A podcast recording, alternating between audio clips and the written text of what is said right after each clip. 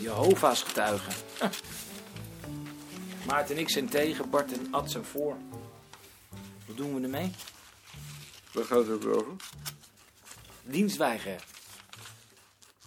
Waarom wil jij het bewaren? Ik vind het wel een interessant verschijnsel. Goed, bewaren. Bart vindt het een interessant verschijnsel. Maar niet als jullie dat niet met me eens zijn. Ik wil het ook wel bewaren. Bewaren dan maar. Ja, Het zijn nou van die mensen waar ik de ballen niet van begrijp. Hm. Zie je ze op zondagochtend lopen met van die zwarte tasjes aan hun hand. Daar heb je in godsnaam zin in. Daar heb ik nu juist wel bewondering voor. Oh ja? Nou, ik wist niet wat ik liever deed. Of liever, ik weet het wel. ik heb het laatste twee aan de deur gehad. Hoe was dat? Er wordt gebeld. Ik doe open. Er staan er twee oude dames voor de deur. Of ze me spreken konden. Ik zeg, het spijt me, maar ik ben aan het werk. Heel goed, moet je altijd zeggen, als je ze binnenlaat ben je verkocht. Laat hem nou even vertellen. Zegt die oudste, is het hier dan een werkplaats? En tegelijk loerden ze naar binnen. Want onze deur komt meteen in de kamer uit. Is het verdomd? Ik zeg nee, maar ik ben toch aan het werk. Of ik dan de wachttoren wilde kopen, ook niet. Toen zegt ze, zijn je vader of je moeder dan misschien thuis?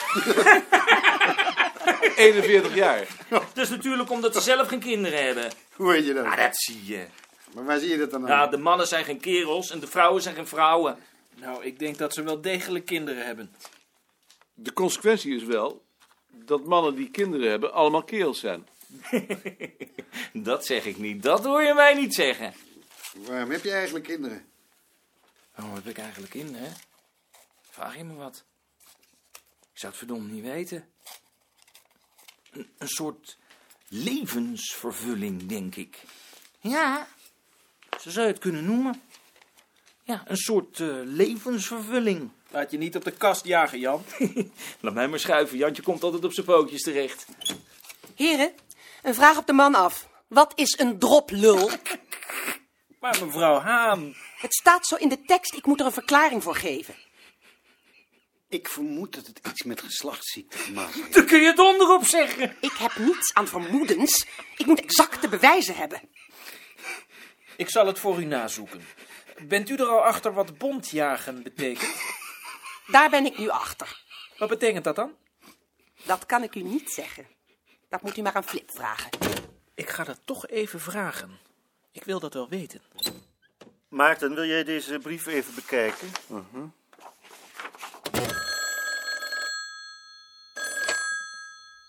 Telefoon voor u. Met koning, Ja, met Karst Buitenrust Hettema. eh, dag meneer Buitenrust Hettema. En wat betekent het? Ja, Het betekent dat een heer een vleeselijke gemeenschap heeft met een dame. ja. Maar waarom mevrouw Haan dat niet durfde zeggen, begrijp ik toch niet.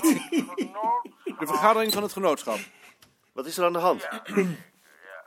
Mevrouw Haan had mij gevraagd naar de betekenis van bondjagen. Ik zal het aan Anton overbrengen. Maar nu ze het wist, wilde ze het mij niet zeggen. Dat begrijp ik heel goed. Dag Karst, Behandel jij dit? ik zal het doen. Is het een verzoek? Ik denk het. Waar gaat het dan over? Ik weet het bij God niet. Precies wat Ine over je zei. Ze zei, hij heeft een gezicht zo van... Jongens, het is allemaal verdomd belangrijk, maar het interesseert me geen bal. en verdomd, het is zo. Heb ik zo'n gezicht? Een beetje wel, dat moet ik wel toegeven. Ik heb daarover eens een mooie droom gehad. Vertel eens. Maarten had ons te eten gevraagd en wij zaten met lange gezichten op kale banken langs de muur. Niemand zei iets. Nicolien stond in de keuken vermoeid in een grote pan te roeren en toen hoorde ik Maarten zeggen... Dat rottige bezoek. Meesterlijk, dat is hem helemaal.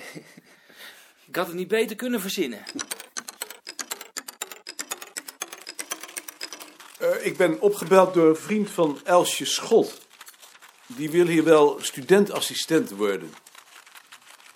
We hebben nog geld. Wat studeert hij? Sociologie. Kunnen we daar nu niet beter een meisje voor nemen? Altijd voor. Waarom een meisje? Omdat het mij zeer de vraag lijkt of een jongen met lichte werkzaamheden genoegen neemt. En nu alle dames tegenwoordig thuiswerken, hebben we daar niemand meer voor. Waarom zou een jongen daar geen genoegen mee nemen en een meisje wel? Ik zie dat niet in. Omdat vrouwen nu eenmaal geschikter zijn voor zulke lichte werkjes dan mannen.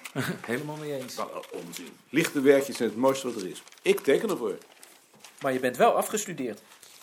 Ja, ik ben wel afgestudeerd. Dus op een gegeven ogenblik vond je dat dus belangrijker. Omdat ik moest. Ja. Maar dat betekent niet dat ik een hekel heb aan lichte werkjes. En waarom studeren er dan zo weinig vrouwen af vergeleken bij mannen? Omdat ze een man vinden. Dat is toch een bewijs dat ze eigenlijk niet geschikt zijn voor de studie? Dacht je dan dat mannen dat wel zijn? Verreweg, de meesten gaan toch alleen studeren omdat hun vader een bepaalde sociale status heeft. Of omdat ze die zelf bereiken willen. Als ze die bereikt hebben, houdt het op. Net als bij vrouwen. En waarom studeren er dan toch zo weinig vrouwen af? Dat zegt Maarten toch net? Vrouwen gaan studeren om een man te vinden. Dat lijkt me nogal duidelijk, dat weet iedereen. En waarom worden zoveel vrouwen dan secretaressen en zo weinig mannen secretaris? Omdat de verhouding tussen een directeur en zijn secretaresse in 9 van de 10 gevallen erotisch is. Een man wil geen man onder zich hebben. Nee, liever wat anders. Maar ze nemen wel een chauffeur. Tuurlijk, omdat ze zich niet door een vrouw willen laten rijden. Dat is allemaal verdomd logisch. En het heeft met verschillen in intelligentie niets te maken. Het zijn sociale verschillen. Precies om dezelfde redenen wordt van de Joden gezegd dat ze slim zijn. Een van de negen is dat ze stinken. Bartje, jongen, je begrijpt er geen bal van. En toch laten jullie een vrouw voorgaan als je een kamer ingaat. Ja, natuurlijk. Jij rijdt toch ook rechts? Bart niet. Als je met z'n tweeën door een deur moet, moet je een afspraak maken.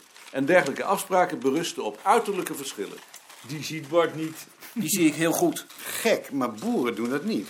Zou dat soms een overblijfsel zijn uit de hoofdse tijd? Boeren geven vrouwen een trap. En toch zijn er ook andere dan uiterlijke verschillen. Kun jij dat dan niet eens in noemen, Bart? Vrouwen horen niet te roken en niet op een motorfiets te zitten. Omdat jij ze met de knoet te lijf wilt.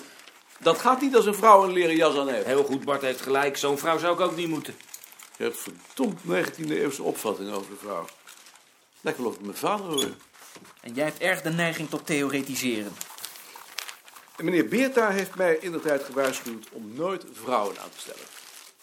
Herinner je dat nog, Anton? Wat moet ik mij herinneren? Jij hebt inderdaad tegen mij gezegd dat je beter mannen dan vrouwen kunt aanstellen. Dat kan ik mij niet herinneren. En dat lijkt me ook niet waarschijnlijk, want dan zou mevrouw Haan hier niet geweest zijn. En daar prijs ik mij nog altijd g- gelukkig om. Ik heb het probleem gisterenavond aan Marion voorgelegd. Ja? Marion vindt mij inderdaad wat ouderwets.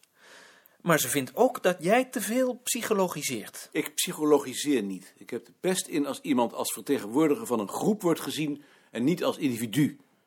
Als een vrouw stom is, dan is ze stom. En niet omdat ze een vrouw is. Dat ben ik natuurlijk met je eens. Gelukkig. Ik heb het er met Ine over gehad, maar als er nou toch geld is, dan wil zij hier ook wel werken. Het thuiswerk dan natuurlijk. Goed. Ze kan verhalen overtikken voor het kaartsysteem.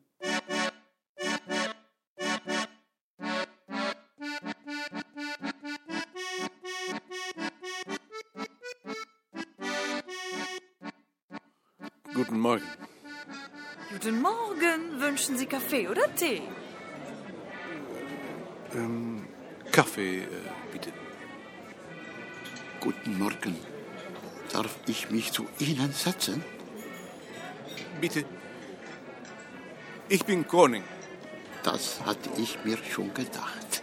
So, einmal Kaffee für den Herrn. Und Sie, was kann ich Ihnen bringen? Zum Frühstück immer warme Milch. Warme Milch? Kommt sofort.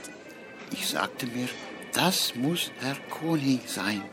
So wie Sie da saßen mit dieser Zeitung, so anspruchslos in der Ecke. Ich muss sofort an Herrn Dr. Bertha denken. Ist Herr Dr. Bertha noch nicht zum Frühstück hinuntergekommen? Nein.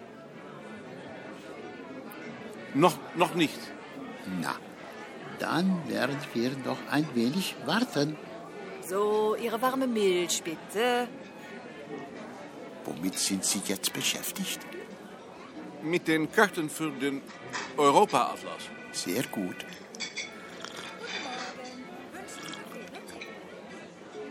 Sie sprachen heute über die Karte des Fluges? Falls mir die Kräfte nicht fehlen, denn mit meiner schwachen Gesundheit ist das eine außerordentlich schwere Aufgabe. Haben Sie meine Daten bekommen? Äh, Die habe ich bekommen. Es ist nicht viel. Es ist sehr wenig. Das ist, weil es mir noch immer nicht gelungen ist, Leute aufzufinden, die mit traditionellen Flügen gearbeitet haben. Sie alle kennen nur die Fabriksflüge. Holland ist ein sehr reiches Land und unsere Aufgabe ist eine schwere Aufgabe für mich und auch für Sie. Aber es geht jetzt darum, dass wir nicht versagen. Wir müssen durchhalten, immer von Neuem die alten Leute befragen, sie zwingen in ihrer Erinnerung nachzusehen, was dort alles noch aufbewahrt auf uns wartet. Das ist unsere große Aufgabe, wofür unser wissenschaftlicher Nachwuchs uns danken wird, denn nachher wird es zu spät sein. Guten Morgen, Herr Professor Horvatic. Dag Maarten. Guten Morgen, Herr Dr. Bertha. Dag Anton. Haben Sie gut geschlafen? Nein, ich habe schon seit drei Tagen nicht geschlafen. Es gab zu viele Gedanken, zu viele neue Ideen, die ich alle noch ausarbeiten muss, um schlafen zu können. Und Sie? Ich schlafe immer gut. Guten Morgen. Wünschen Sie Kaffee oder Tee? Für mich Tee bitte. Ich beneide Sie wegen Ihrer Gesundheit. Und gerade jetzt mit den vielen schweren Problemen, die diese Tagung mit sich bringt. Unsere Aufgabe ist sch- schwer. Aber die jungen Leute sind manchmal ungeduldig. Sie wollen sofort Resultate sehen. Resultate. Das hat Herr Koning auch zuweilen. Und ich sage dann immer zu ihm, du sollst Geduld haben, denn wir arbeiten nicht für uns selbst, sondern für die Ewigkeit. So ist es genau. Es freut mich sehr, so was von Ihnen zu hören. Wir sind uns ganz einig. Wie immer. Wie immer.